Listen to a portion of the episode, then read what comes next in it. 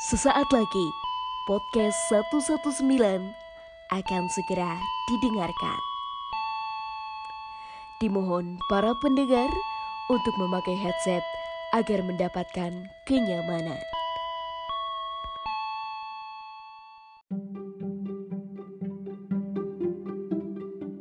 Hola, gua Talita Lauza Winata balik lagi nih.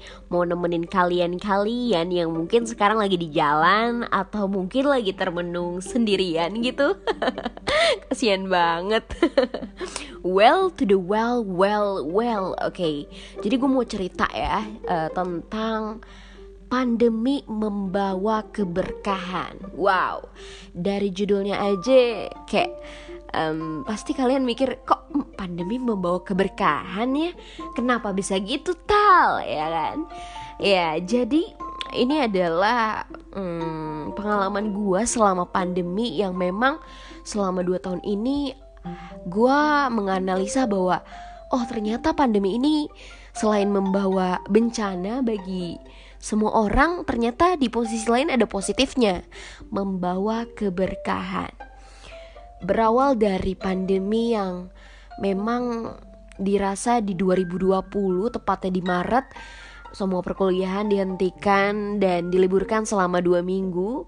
Alhasil gue balik ke Bogor dan di dua minggu pertama gue ngerasa uh, suntuk gue ngerasa gabut gue ngerasa kayak nggak aduh nggak ada kegiatan banget. Karena gue sendiri adalah anaknya aktif bun ya. Jadi nggak bisa diem gitu Akhirnya gue mencoba untuk belajar banyak hal. Wah, apa aja tuh? Pertama yang gue lakuin adalah gue belajar untuk meng-sketch Karena notabene di wishlist 2020 tuh udah ada sebenarnya. Uh, Apa, uh, diksi di mana gue harus bisa edit di Adobe Illustrator. Dan alhasil gue bisa gitu. Dengan pandemi gue bisa ngelakuin itu dengan bantuan YouTube. Itu gue seneng banget sih. Meski awal-awal di situ sketch gue gambar gue tuh nggak sebagus. Eh ya ampun jelek banget kalau dibilang.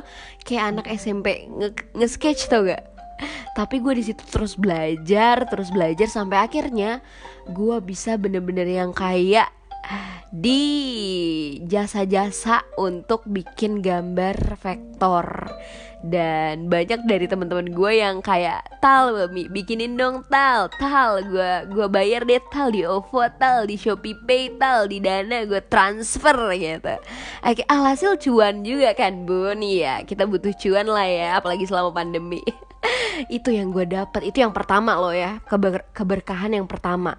Terus yang kedua gua belajar tentang teknik public speaking yang notabene gue langsung learning by doing gitu. Jadi awal mulanya itu gue ikut kelas public speaking ya. Jadi ada salah satu kakak kelas gue kakak kelas di KSR PMI Kabupaten Bogor itu memang notabene dia MC dan dia buka uh, kelas yang namanya paper pen. Alhasil karena ada ada announcement itu gue mengikuti lah ya memang notabene nggak mahal literally nggak mahal banget sih cuma 50 ribu satu hari. Nggak satu hari full sih cuma tiga jam.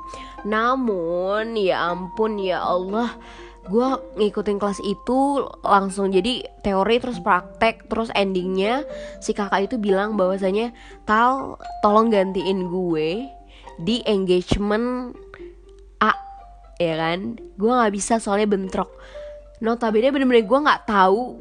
Karena gue kayak wah kaget banget sih. Tapi karena ini peluang gue nggak bakal uh, nyia-nyiain peluang ini. Gue gas terus. Akhirnya gue ngelakuin hal itu dengan ya dibilang cukup baik. Sampai akhirnya nerus nerus nerus. Sampai banyak banget job yang memang dirasa hadir dan datang ke gue sampai sekarang dari mulai job wedding akad doang. Terus resepsi terus juga uh, e-sport yang kayak gitu ya ampun banyak banget notabene uh, kodarullah dan ah alhamdulillah banget ya ini kuasa Allah keberkahan Allah yang Allah kasih gitu.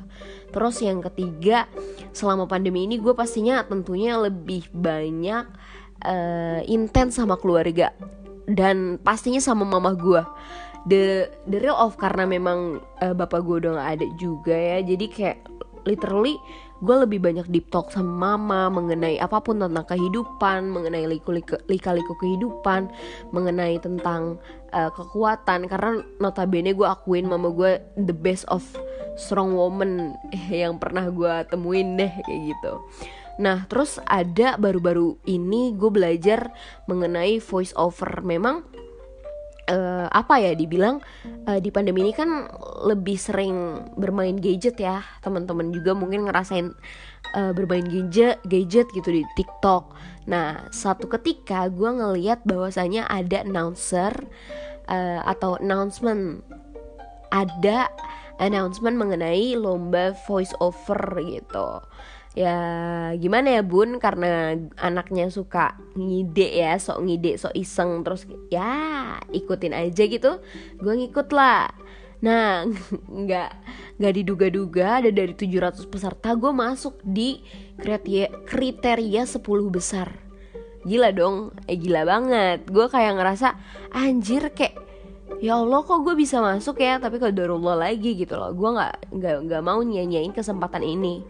Gue masuk 10 besar di situ dikasih skrip lagi untuk um, rekaman tentang voice over akhirnya gue ikutan minta like dukungan dan segala macem. Gue masuk di juara dua notabene itu kayak oh my god itu adalah prestasi terbesar gue selama gue kuliah. Karena notabene yang emang make sense sama kuliah kuliah gue gitu di jurnalistik dan ini broadcasting voice over gitu ya. Kayak wah ya gue kayak proud of me gitu ya.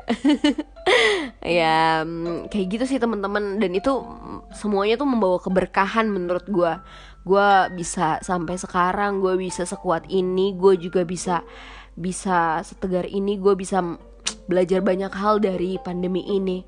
Uh, dan menurut gue untuk teman-teman yang masih ngerasa insecure masih rebahan aja tapinya gitu ya uh, masih mau nyalahin pandemi masih mau nyalahin uh, ya keada keadaan dan masih mau insecure tanpa ada action yang jelas gitu karena gue pernah baca dari kutipan Buya Hamka bahwa bahwasanya pengkerdilan terkejam dalam hidup ialah membiarkan otak yang cemerlang menjadi budak bagi tubuh yang malas, yaitu mendahulukan istirahat sebelum lelah.